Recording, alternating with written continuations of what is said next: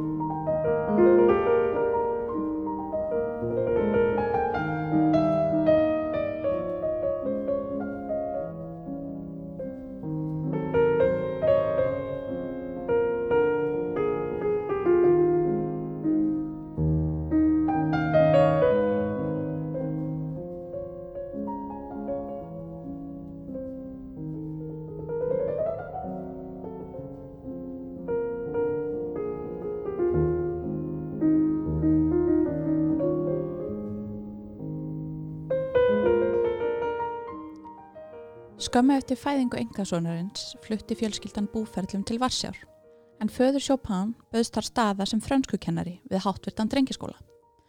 Sá var til húsa í mjög íbörðamiklu stóti sem kalla var Saxneska höllin en starfinu fylgdi íbúð fyrir Chopin fjölskylduna í henni. Nikolasi og Teklu Justínu fættust tvær dætur til viðbótar eftir flutningin til Varsjár, Isabella árið 1811 og Emilia árið 1812. Frederik Littli var þannig eini sonur þeirra hjóna en hann átti mjög nánu sambandi við sýstur sínar. Heimilislíf sjá pannfjölskyldunar fyrðist það að vera nokkuð ljúft. Þau voru ágætlega efnuð og sáu börnum sínum fyrir góðri mentun.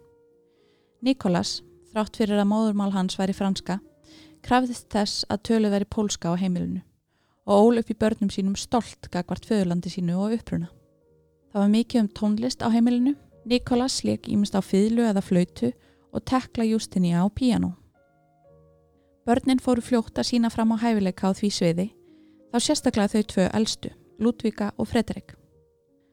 Til að byrja með sá móður þeirra um að kenna þeim tónlist, en fljótlega var ráðin fagmaður í starfið, hinn háttvirti tjekknesk ættaði píanokennari Wojciech Sivni, en hann hófa að kenna börnunum þegar Frederik var 6 ára og Ludvika 9 ára. Hann kynnti Frederik meðal annars fyrir tónlist Bach og Mozart, en aðdáðan hans á þeim félögum áttu eftir að hafa mikil áhrif á tónlistan hans síðar meir. Strax kom í ljós að Chopin var sannkallað undrabann og hann var fenginn til að spila á ofnbjörnum tónleikum áður en hann var orðin 7 ára. Ludvika blómstræði líka undir leiðsögn Sivni og þau sískininn spiliðu oft úetta saman. Þetta minnir óneitanlega á samband Mozarts litla og sýstur hans, Nannerl Mozart, sem var í æsku talin jafnokki hans að hæfileikum en þurfti svo frá að hverfa til að sinna hinn um kvenlegu skildum. Það verður að viðkennast að hugur manns kvarlar ofta því sem hefði geta orðið þegar yfirburðar hæfileikar sistra mestaranna berast í tal sem aldrei áttu séns vegna kvenleika síns. Þó hafa sumar konur þessa tíma fundið lausnir á stóra píkuvandamálinu en meira um það síðar í þessum þætti. Chopin var ekkert að tvínóna við hlutina heldur byrjaði að semja tónlist strax þegar hann var sjö ára. Hann tók svo miklum framförum á píanóið að bráðum var hann orðin betri en Sisni gamli og fekk nýja kennara, Vilhelm Wurfell og Jósef Elsner sem báður voru tónskald þó Elsner hafi náð hærri hæðum á því sviði. Hjá þeim lærði Chopin tónsmíðar, tónfræði og orgel á samt öðru. Fóreldrar Chopin stuttu vel við hann í tónlistanáminu sem gerði honum kleift að gefa út sitt fyrsta verk árið 1825, þá 15 ára. Við skulum heyra smá brotur því, hér er Rondó í Sémól, opus 1.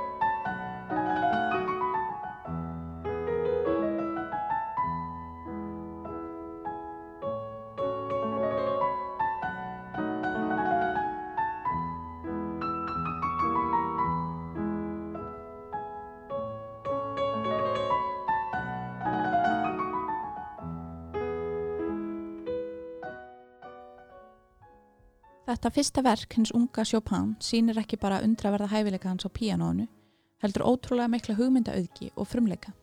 Hljómagangurinn er óhauðbundin og maður veit aldrei hvaða nótu maður á vona á næst. Robert Schumann, sem er á mörgum talin eitt fremsta tónskald romantíska tímabilsins, kallaði verkið snóturt og spennandi, sem verður að teljast nokkuð gott þegar tónskaldið er rétt orðið kynþróska. Þetta voru spennandi og áhyggjulöysir tímar í lífi Chopin. Hann átti framtíðana fyrir sér og vilist hafa nót til lífsins í botn. Hann ferðaðist mikið á þessum tíma og í brefum sem hann skrifaði fjölskyldu sinni má sjá að hann var bæði greindur, upplýstur og mikill humoristi. Hann held áfram að halda tónleika viðsfegar um austurhluta Evrópu meðal annars fyrir Alexander I, keisara Rúslands, sem var alveg heitlaður á hann og gaf Chopin demantsring að launum. En áhugileysið endist ekki að eilifu. Í april 1827 bárst Chopin hryllilega fréttir. Yngsta sýstir hans, Emilia, hafi látist aðeins 14 ára gömul, líklega úr berglum. Þetta var hryllilegt áfall fyrir alla fjölskylduna og er talað um að Chopin, sem var eins og áður sæði mjög náinn sýstrum sínum, hafi aldrei beðið spætur og að þessi hjartasorg hafi haft mikil áhrif á hljóm tónlistar hans.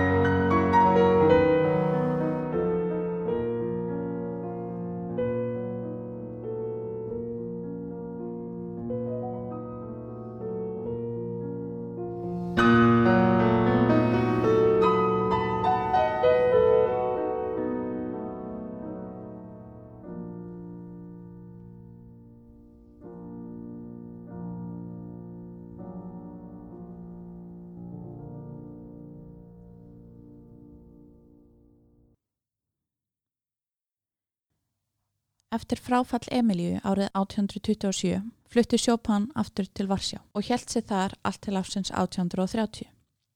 Þessi ár voru mjög lærdomsrík fyrir hinn unga Chopin. Hann egnaðist vini fyrir lífstíð, þar á meðal Titus Wojciechowski, Albert Grismala og Julian Fontana og gekk í gegnum sína fyrstu ástarsorg. Hann gerðist nefandi í tónlistaskólinum í Varsjá sem í dag heitir Fredrik Chopin tónlistaskólin í Varsjá og kynntist þar henni ungu og efnilegu sóbransöngunu Konstansju Gladkovsku og fjall rækilega fyrir henni. Hún verðist hins vegar hafa verið meiri aðdándi tónlistar Chopin en mannsinn sjálfs, svo það varð ekkert úr því. Chopin var mjög inspireraður af fegur hennar og samti mörgverk til heiðurs henni. Á þessum árum, milli 1827 og 1830, samti Chopin mikið og vakti áhuga marga áhrifamikilla manna í tónlistabransa vestur Evrópu. Til þess að ná sínu full potential varð Chopin að yfirgefa sitt heittelskaða Póland og elda draumana til vestur Evrópu. Og í november árið 1830 hjælt hann á samt áðurnemdum vini sínum Títusi á vit æfintýruna.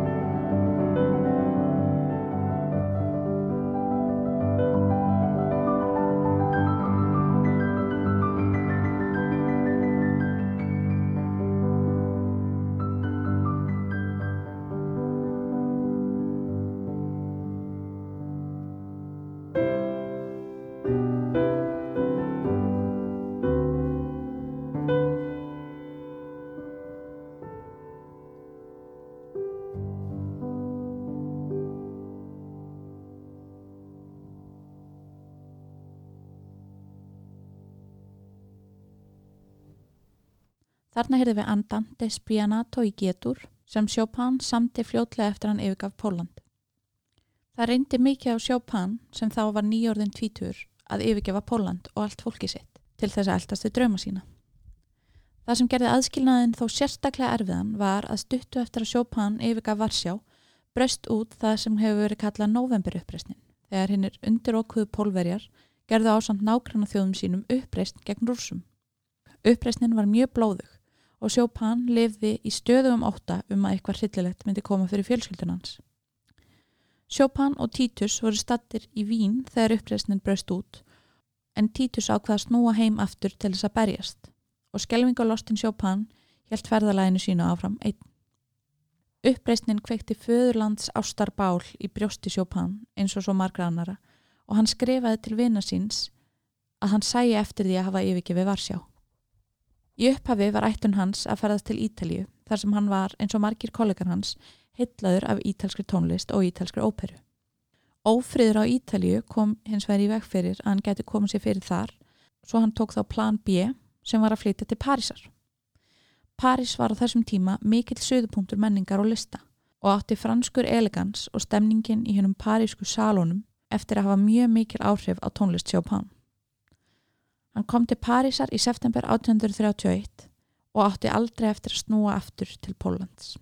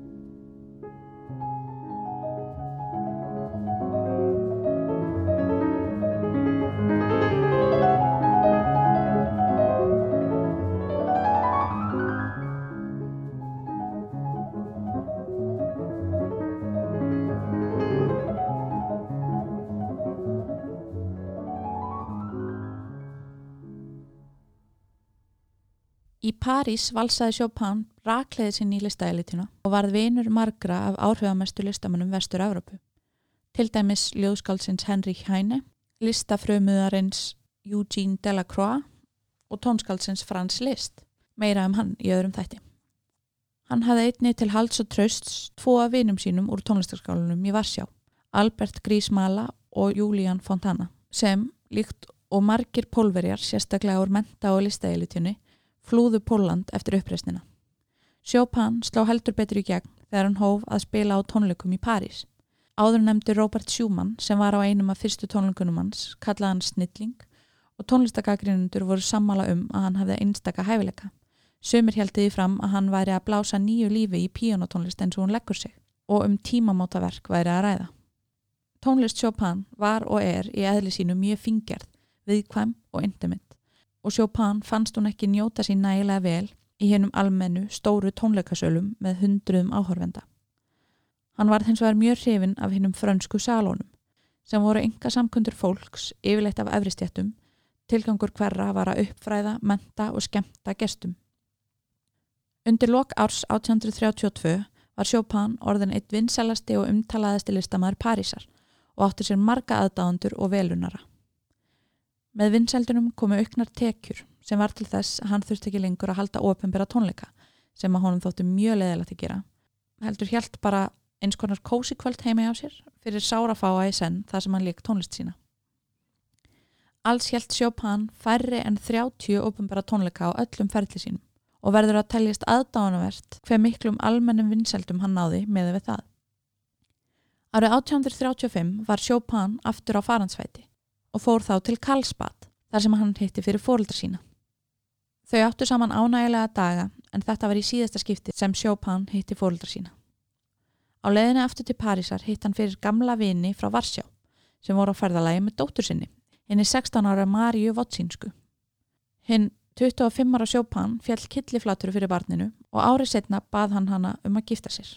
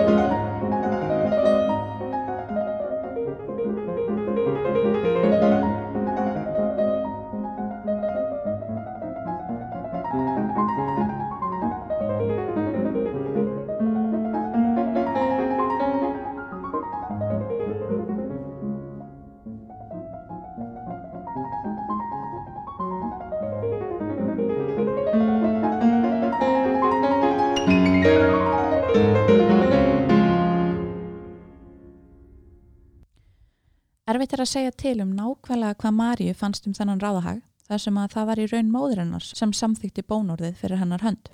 En hverju sem því líður þá var það ekkert úr hjónabandinu. Um það beil ári eftir að Chopin og Maria trúlofið sig sendi móður Maríu Chopin bref þess efnis að dóttir hennar hugðist ekki giftast honum. Chopin þótti þetta allt ansi neðilegt og sárt og kallaði þessa atbyrði harmleik lífsíns. En hann átti nú eftir að jafna sig á þessu endan. Nokkru áður en að trúlófininni var rift, kynnti List sem á þessum tíma voru orðin eitt nánasti vinnu Chopin, hann fyrir rítöfundinum Georges Sand. Sand hétt í alverunni Aurore Dupont en tók upp skaldaheitið Georges Sand til þess að losna undan okki kynnsíns. Það virkaði ágætlega þar sem hún var á sínum tíma vinsætli rítöfundur en bæði Victor Hugo og Honor de Balzac. Sand var mjög lágvaksinn aðeins um 1,50 á hæð, dökk yfirlitum með stór augu og keðjurekti vindla. Hún gekk ekki bara undir Karlmannsnafni, heldur kaus að ganga í Karlmanns fötum og hægðaði sér að mörguleiti eins og Karlmaður í því skyni að hún hikaði ekki við að reykja vindla á almannafæri sem var eitthvað sem konur mátti alls ekki gera og hikaði ekki við að ganga inn á bari og klúpa sem voru einungis ætlaður Karlmannum og leti ekki hinn fyrirfram ákveðinu hlutar konunar stýra gjörðum sínum. Þeir sem ekki varu hrifnir af verkum hennar letu hæðin hennar fara fyrir brjóstið á sér en hún átti sér stóran aðdándahóp sem bar virðingu fyrir henni og því hvern hún lifði lífi sínu. Kollegi hennar, Viktor Hugo, sagði eitt sinn Sjörs Sand getur ekki ákveðið sig hvort að hún er kona eða karl. Ég ber mikla virðingu fyrir öllum kollegum mínum en það er ekki mitt að ákveða hvort að hún er sýstir mín eða bróður minn. Það má því segja að Sjörs Sand hafi verið sannkallað gender fluid icon. Fyrst þegar Chopin hitti hana var hann lít hrifin sagði hann að ljóta og veltiði fyrir sér hvort hægt væri að kalla hana konu. Hann hyllaðist á fljótlega af henni og í júni ára 1838 voru þau orðin elskendur.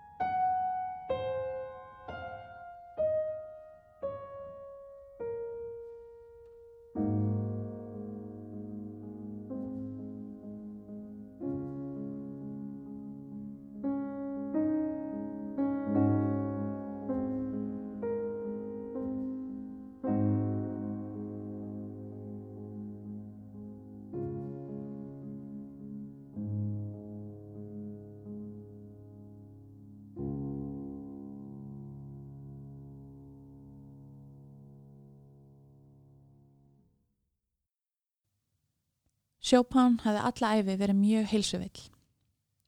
Hann var afar fingerður, 170 cm hæð og vóa á tímabili minna en 45 kíló. Honum óg svartla skegg og hann var mjög viðkvæmur. Eftir að hann flutti til Parísar fór heilsu hans smám saman að hraka. Hann hóstaði oft upp blóði, fekk bronkitis og bergla sem hann gekk erfilega að losa sig við og þjáðist af þrálátum hóstaköstum og niðurgangi. Hann notaði allskynns júrtir til að díla við enkennin en þegar hér komum við sögu var hann farin að nota ópjum til að sefa sársökan. Veturinn 1838 til 1839 fluttu Chopin og Sand á samt börnum Sand úr fyrra sambandi til Mallorca í vonum að loftslægið og breytt umhverfi myndi gera heilsu Chopin gott. Hinn er ramkathólsku spánverjar tóku því miður ekki vel á móti hinnu ógifta pari sem eðli málsinn samkvæmt lifiði þá í synd og þau áttu erfitt með að finna sér húsnæði. Á endanum fengu þau gistingu í fókheldu gömlu klustri sem neyndist bæði kallt og napurlegt. Spænsku læknarnir sem viðtjöðu Chopin sem hann hafi bundið vonið við að getu hjálpaðunum úrskurðuði hans ímist döðvona eða nú þegar döðan og þessi spánarferð þeirra skötuhjúa var bæði tilgangslaus og martraðkend. Í desember 1838 var Sand hægt að lítast á bleikuna. Sjópan varð veikari með degi hverjum og hún ákvað að þau skildi snúa til Frakland strax eftir áramótin. Þó svo að þessi tími á spáni hafi verið hryllilegur fyrir heilsu Sjópan þá samti hann mikið á þessum stuttatíma, meðal annars þessar svelútíu hér.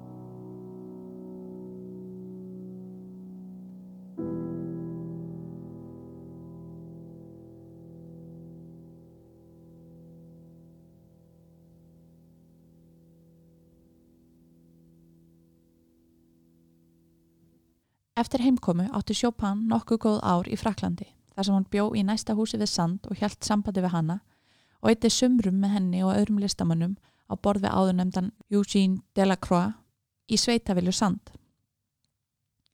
Ára 1842 rakaði heilsu hans aftur og hann var nánast rúmfastur. Það var til þess að hann gati ekki lengur kent sem hafi verið drjú tekjuland fyrir hann til þessa. Þetta var til þess að hann var fyrir miklu tekjutapi. Auk áðurnemdra öndurnafæra sjúkdóma er talið líklegt að Sjópan hafi þjáðst að flogaveiki og að hann hafi verið þunglindur, jáfnvel með skitsofrenju. Veikindi Sjópan hafði neikvæð áhrif á samband hans við sand og það slettist upp úr vinskap þeirra árið 1846. Þá saði Sand að hún væri ekki lengur ástkona eða vinkona Chopin heldur hjúkronarkona hans og að henni fyndist eins og hann væri þriðja barnið hennar. Árið 1847 gaf Sand út bók sem fjallar um samband ríkrar leikonu við veikan prins sem er mjög auðvelt að tólka sem referens í samband hennar við Chopin. Chopin kemur langt í frá vel út úr þessari bók og svo virðist sem þetta hafi verið korni sem fylgti mælin. Því Chopin og Sand slitu öllum samskiptum í kjálfarið. Chopin samti alltaf minna og minna. Árið 1841 samt hann 12 verk, árið 1842 samt hann 6 og aðeins 1 árið 1844. Árið 1848 fór Chopin í sitt síðasta ferðalag, túr um England og Skotland sem var skipulaður af Jane Sterling skoskum nefnda hans sem hafi fyllt í fótspór sand sem nokkus konar sálufélagi hans.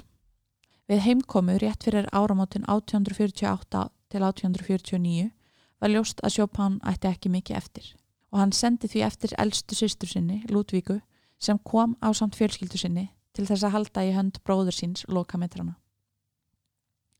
Aðfarnótt 17. oktober 1849 eftir óvænt hóstakast kvatti Fredrik Chopin þannan heim umkringdur vinum og fjölskyldu eftir tíu ár af alvarlegum veikindum, aðeins 39 ára gamal.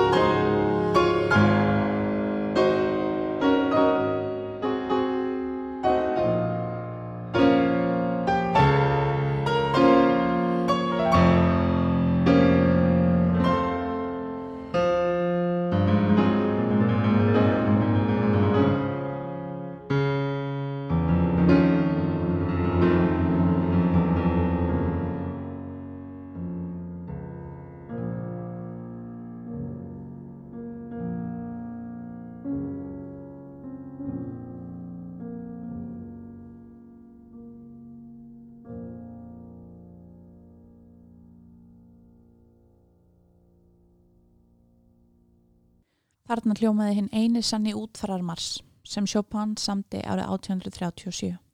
Marsin hefur verið fluttur í jarðaförum margra af merkustu einstaklingum hins vestrana heims svo sem Churchill, John F. Kennedy, Margaret Thatcher og Tito. Jarðaför Chopin fór fram í París 30. oktober og voru fyrir utan þá sem fengu miða á jarðaföruna um 3000 manns sem mættu óbóðunir hvaða næfa frá Evrópu en þurftu frá að hverfa. Í jarðaförinni var auk útfararmarsins flutt Requiem Mozarts. Jane Sterling, áður nefndur nefandi Chopin og náinn vinkona, borgaði fyrir jarðaföruna og minnisvarða sem var reistur til millingar um Chopin úr eigin vasa og hefur verið minnst sem ekki Chopin, þrátt fyrir að ekki sé vita hvort það samband þeirra hafi verið nokkuð annað en platónst.